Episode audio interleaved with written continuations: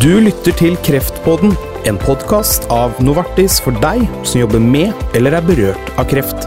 Programleder er Erik Aasheim. Mange sier til meg da at hva, hva er det du har å tilby meg, du har noen, noen få uker og måneders levetid, du gir meg ingen mulighet for å overleve. Jeg har data fra, fra Mexico, Kina, som sier at jeg har 70% sjanse til å bli bra, hvorfor skal jeg ikke ta den muligheten? Terje Risberg, velkommen til eh, Kreftpodden. Ja, tusen takk, du. Du er eh, professor eh, emeritus og har lang erfaring med kreftbehandling og har jobbet de siste 30 årene ved Tromsø universitetssykehus. Og det er ikke bare skolemedisin som kreftsyke bruker i behandlingen. Mer enn én av tre pasienter med kreft benytter seg av en eller annen form for komplementær eller alternativ behandling. Og her er folk på tilbudssiden, det er det ikke tvil om. Det skal vi snakke om etter hvert, men aller først Terje Risberg. Vi må rydde litt opp i begrepene her. Mange blander komplementærbehandling og alternativ behandling. Hva er forskjellen? Ja, eh, noen vil si at det kanskje ikke er noen forskjell, men, eh, men rundt omkring i, i, verden da, så har vi vært opptatt av å kanskje kunne tilby noe av de eh, beste behandlingene som lindrende behandlinger til pasientene, og det har vært og det er behov å skille eh, på en måte klinten fra hveten, hva som eh, hva som åpenbart kan være bra for pasienter, og hva som er dårlig. Mm. Eh, og da er det eh, en definisjon på dette hvor eh, det alternativet i det ordet så ligger at det skal være et alternativ, og det er altså et, en måte å behandle selve kreftsykdommen på. Mens det komplementære har ikke den ambisjonen i det hele tatt. De har ambisjon å, å lindre og gi bedre livskvalitet. Da snakker vi eksempel om massasje, uh, akupunktur, Akkurat. musikkterapi, den type, den type former. behandling, ja. Som ikke liksom er Ja, som bare skal rett og slett gi folk et, eh, et, et bedre liv og kanskje mindre smerter. Helt, helt riktig. Ja. Disse behandlingene de, de, tilbys nå i en del såkalt integrated medical, altså integrerte medisinske avdelinger, mm. som vi finner i utlandet mange steder, og som har vært hos mange av oss kanskje et ønske om at vi også kunne tilby i Norge. Mm. Og hvis vi da skal snakke litt mer om eh, alternativ behandling, for det er det mye av eh, der ute, og selvfølgelig også kjempeutfordrende både for leger og ikke minst for pasienter og pårørende å måtte finne ut av dette, og er det noe, er det noe hjelp der ute eh, å få? Men, men, bare sånn aller først, da. Altså, hva er de viktigste eller mest populære alternative behandlingene? Det, ehm, det, det, gjøres noen undersøkelser på det også uh, stadig vekk. Uh, hvert annet år så gjøres det en sånn telefonsundersøkelse uh, på det.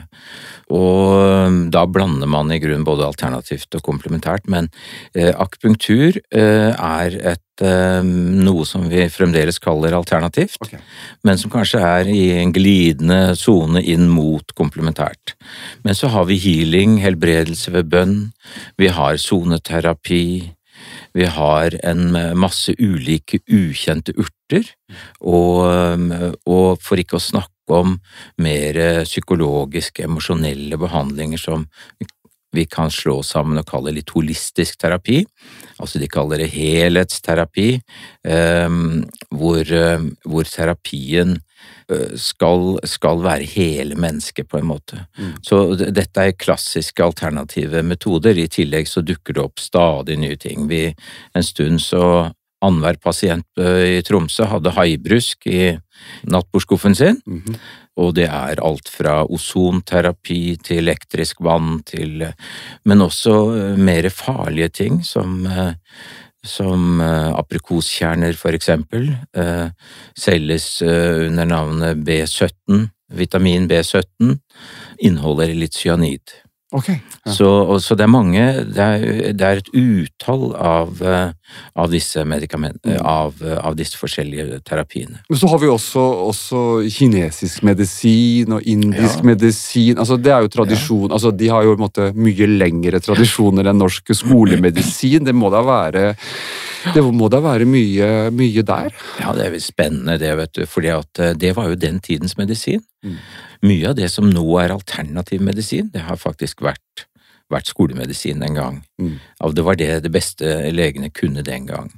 Det er klart at det store skillet nå er at vi har, vi har fått uh, statistiske metoder, vi har fått uh, muligheter til å prøve ut i hvilken grad dette faktisk virker.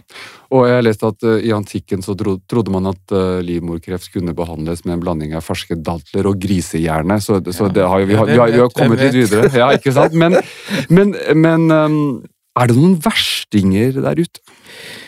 Vi opplever da at når man da mot slutten av livet tar helt av og for eksempel reiser til Mexico og legger seg i en magnettrommel i tre–fire uker, så er det, er det, svære ting som skjer. Mm. Det er for det første dette med økonomien er veldig lett å tenke seg, at du kan ruinere familien, men det som er verst å tenke på, syns vi, er at uh, en bruker ikke den siste tiden på en måte til å ta farvel med eget liv, gjøre opp sitt livskompass og si farvel til sine kjære.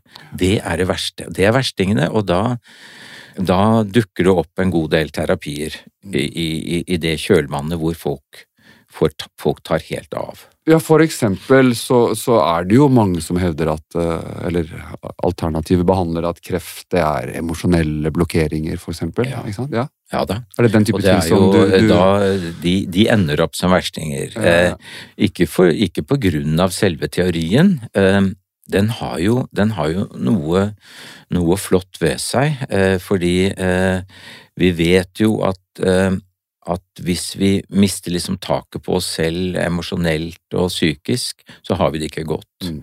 Og hvis man da kunne oversette det til at man også kunne øh, helbrede annen type sykdom, så ville jo det være fint. Mm. Så det, det, er noe tiltalende ved ideen. Mm. Og så er det en annen tanke folk har, at det er så mye mer kreft i dag.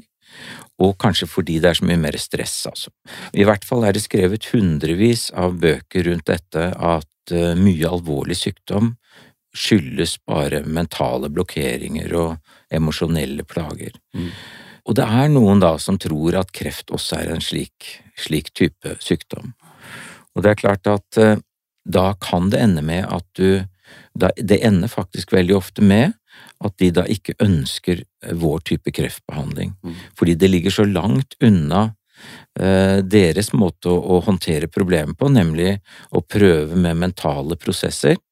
Og da ligger cellegift helt på den andre siden av den, den bekken der. Mm. Som folk som eksempel driver med holistisk terapi ville sagt. Har du noen eksempler fra Norge på, på, på dette feltet?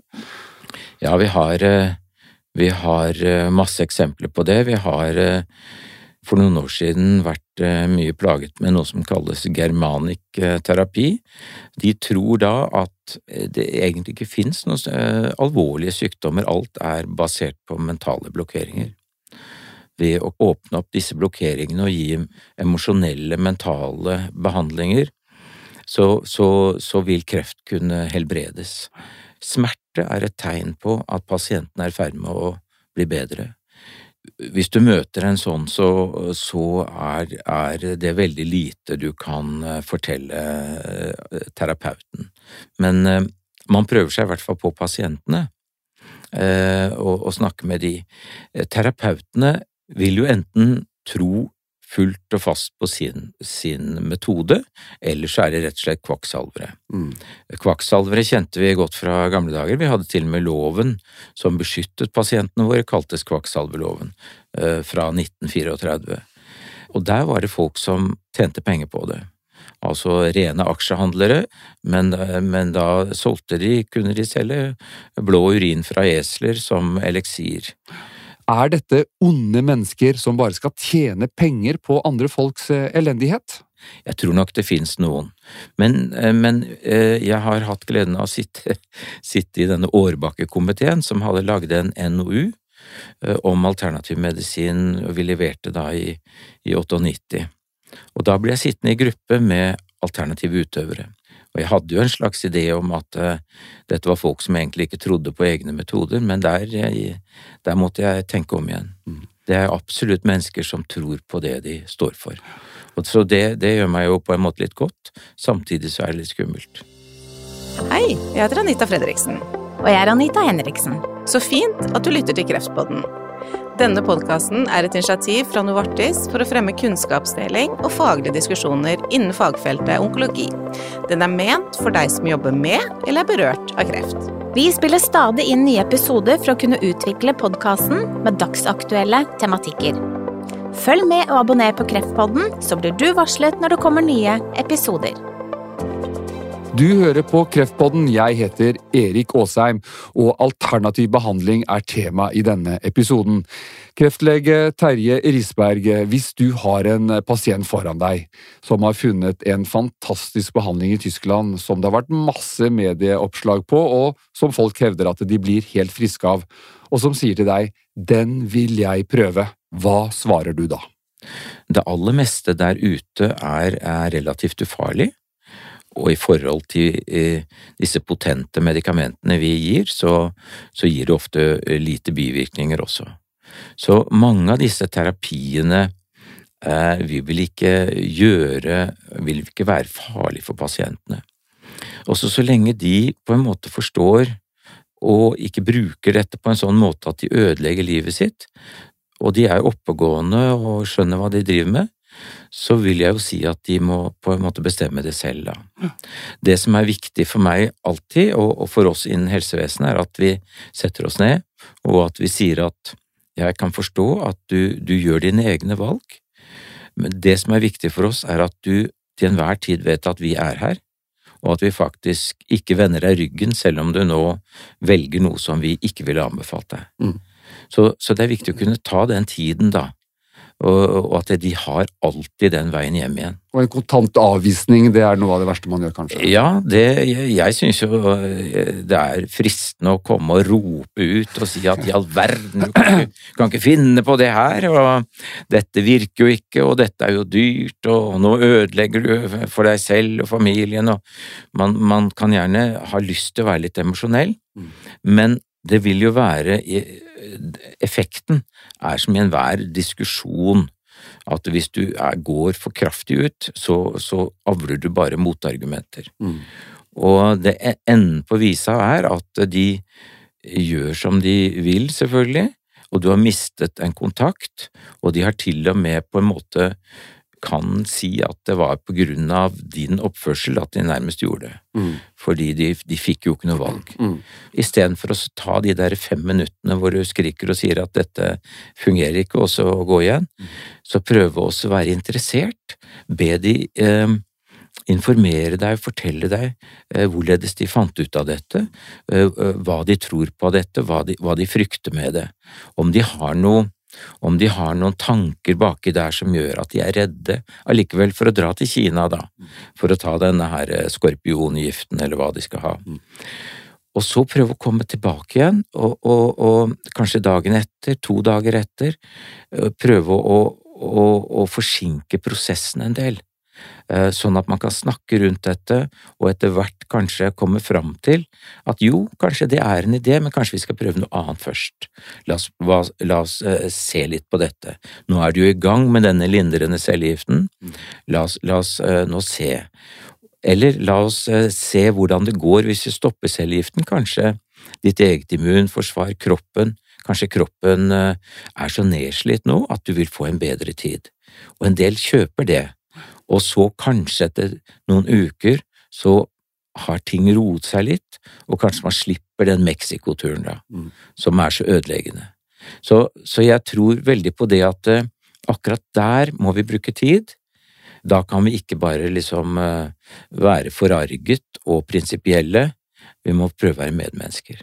Men så har du også de, de, de pårørende som, som, som, presser på. Det er også en utfordring for, for, ja. for, pasienten. Altså, jeg hadde selv en søster som døde av kreft for et par år siden, og det var ikke måte på hvor mange forslag jeg fikk fra, fra folk rundt omkring på, på alternative behandlinger som, som, de mente jeg burde overtale min søster til å prøve. Og det er jo det er ikke så lett å holde igjen, da, for det er så, håpet er jo det siste altså Pårørende håper jo også på vegne av sine, sine syke familiemedlemmer. Uh, ja, Hvordan forholde seg til det? Det, helt, eh, det, det, sier seg selv at det er ofte nesten helt umulig. og uh, Den ideelle situasjonen er jo pasienten som over et langt forløp på en måte uh, blir behandlet og gradvis forstår at livet har en ende, og aksepterer det til og med, og, og på en måte går øh, vennlig inn i døden. Men veldig mange kjemper jo imot helt til det siste. Eh, Og da forstår jeg jo det veldig godt, at du vil prøve det. Det fortvilte er jo at eh, det kan gå altså eh, så galt at eh, man mister seg selv fullstendig mot slutten av livet. Eh, Og, og dette med økonomien kan også være et, eh, et poeng. Mm. Men jeg tenker på når man står midt oppi det, så, så Altså, folk tror jo på mirakler, ikke sant? Ja. Og, det, altså, og det, det har vel skjedd mirakler? Det har vel skjedd ting dere ikke kan forklare òg? Altså sånn skolemedisinsk? Absolutt, og det, det er en Jeg har drevet et sånn kommunikasjonskurs oppe i Tromsø i mange år, og det vi sier til disse litt yngre doktorene, er at eh, når folk ser deg midt i øynene og sier 'hvor lenge kan jeg leve', så kan du aldri si tre måneder. Altså, du, du må ikke gi noe tid, fordi dette varierer veldig. Uh, og vi har historier fra Jeg har en historie fra Radiumhospitalet på 80-tallet hvor en overlege ble sterkt provosert og til slutt ropte nærmest til pasienten 'ja, tre måneder', da, sa hun.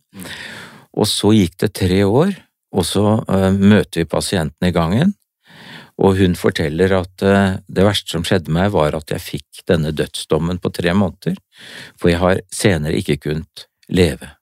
Jeg har, det har vært med meg hele veien. Så vi må, vi må være åpne for at det kan jo selvfølgelig være noe der ute, men samtidig så vet vi da, i motsetning til pasientene, mange pasienter tror at vi innen legestanden, vi vet om ting som vi ikke vil fortelle dem, fordi det vil gå utover oss økonomisk og faglig og ekspertmessig.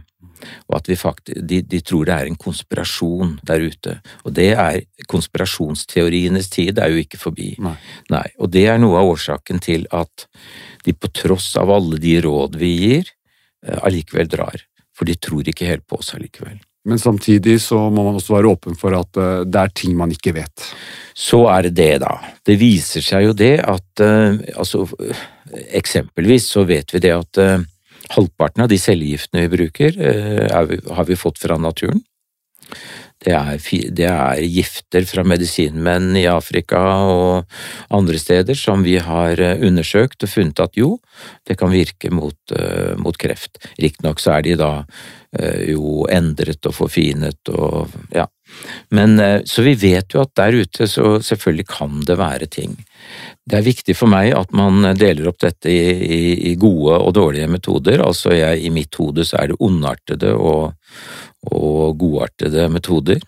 Eh, Noe er definitivt ondartet, eh, eksempelvis eh, psykokirurgi som, som foregikk og som faktisk har blitt forbudt over hele verden, men som var inne i Indonesias jungel. Og jeg har hatt en pasient som har vært i psykokirurgi. Det er skikkelig dramatisk. Foreliggende Der ligger pasienten ofte på en båre inne i jungelen med heksedoktorer rundt og naken, og doktoren, heksedoktoren fjerner altså svulsten med bare hender.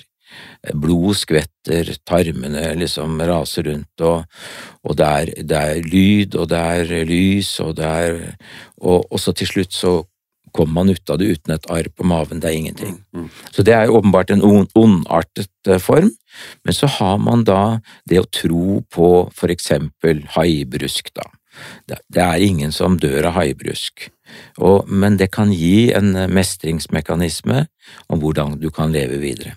Og dette med å forstå at mye alternativ til komplementær dreier seg om mest, å mestre livet sitt, og samtidig ha et lite håp i en eller annen skuff som gjør at du kan leve også morgendagen. Tre ting å ta med seg fra denne samtalen. Det første og kanskje mest selvsagte er at vi skal respektere alle våre pasienter og deres eh, meninger. Vi må ikke glemme at selv om vi er eksperter på behandling, så er pasienten ekspert på sin sykdom, og det er de som eier sitt liv og sin sykdom. Det andre er at det er veldig mye der ute som vi ikke forstår, som ikke er innen vårt fag.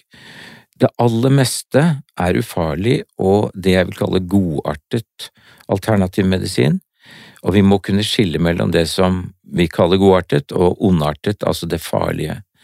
Det er viktig. Det tredje er at eh, et oppriktig ønske om at eh, vi kan ha mulighet for å innføre noe av de hyggeligste metodene inn på sykehus, sånn som musikkterapi, massasje og sånt som gir pasientene livskvalitet og gode følelser. Takk for at du kom til eh, Kreftpodden, eh, Terje Risberg fra Universitetssykehuset i Tromsø. I neste episode så får jeg besøk av Jørgen Geisler fra Akershus universitetssykehus. Da skal vi snakke om utviklingen av kreftbehandlingen som skjer i en rasende fart. Jeg heter Erik Aasheim. Vi høres i Kreftpodden.